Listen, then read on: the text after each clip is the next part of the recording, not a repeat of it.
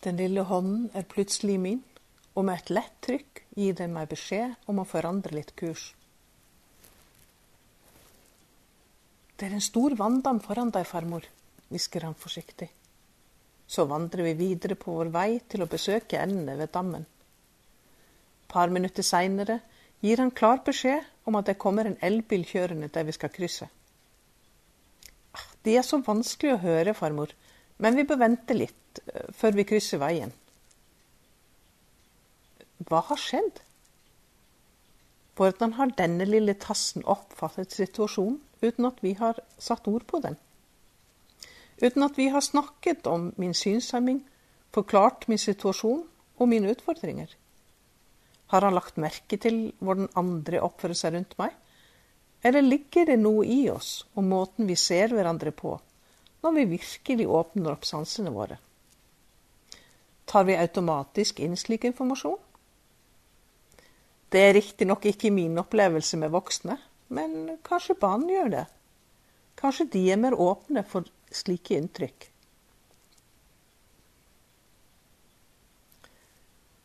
Gjennom pandemien har ikke gutten og jeg tilbrakt så mye tid alene sammen utendørs. Før pandemien var han kanskje for ung til å legge merke til mine utfordringer når vi var i farta. Ikke vet jeg, men det jeg vet, er at noe har forandret seg. Totalt. Han har visst at jeg er blind, men vi har aldri snakka om det eller de utfordringene som det kan gi. Vi har spilt kort sammen, puslet og lekt med Lego. Men han har holdt på med sitt og aldri vist interesse for å bistå, synstolke eller tilrettelegge. Det er det andre som har gjort. Kanskje han ikke ville trenge seg på, eller kanskje han ikke var moden for oppgaven. Vi går sammen slik vi har gjort så mange ganger før.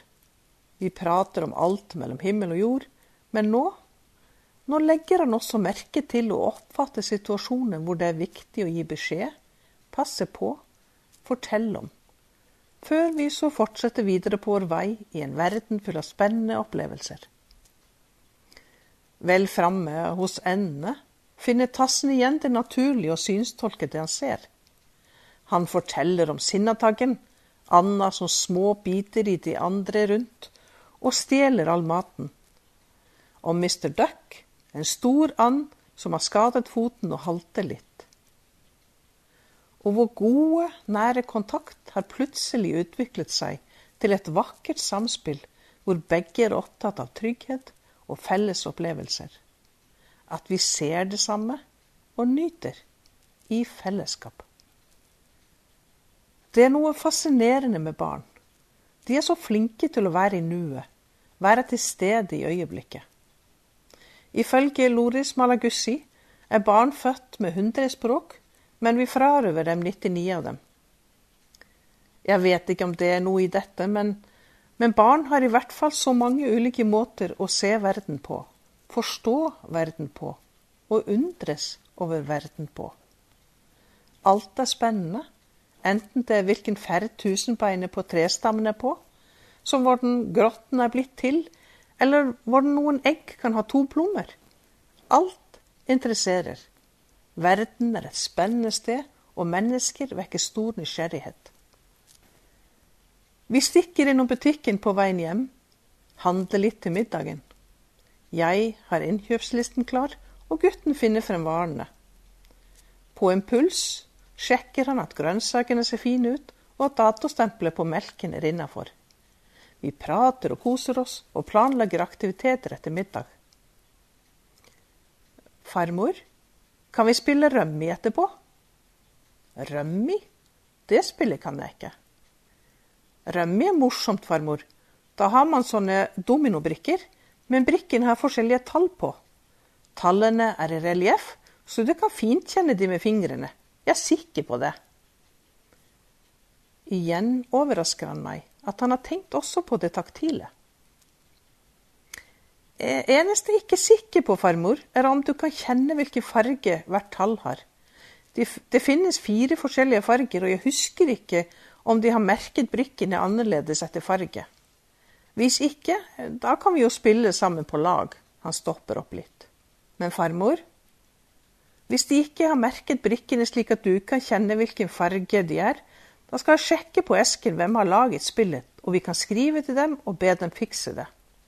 Det er jo så rart å lage sånne spill og gjøre dem slik at ikke blinde også kan spille. Det blir bare for dumt. Og akkurat der har vi plutselig fått familiens nye likestillings- og integreringsminister på plass. Barn forstår mye uten ord, leser situasjoner som mye bedre enn oss voksne, som ofte har det for travelt til å legge merke til det som skjer rundt oss. Og de er så åpne og ærlige at det går så fint å prate om alt de måtte lure på. Det vakre samspillet mellom mennesker når vi ser hverandre, forstår hverandre og leser alle de viktige beskjedene som står skrevet i luften vi puster, det gjør noe med meg. Det er her vi puster magi i livet. Det er i de unge jeg ser hvordan verden faktisk kan forandre seg til det bedre. De er opptatt av mulighetene, og lar som regel begrensningene stå litt igjen på sidelinja. Måtte vi alle lære å bevare mer av barnet i oss. Og farmor, ja, hun farmor kan være litt for snever og innesperret i sitt tankesett. Så kanskje også hun må lære å være litt mer opptatt av mulighetene fremfor begrensningene i livet.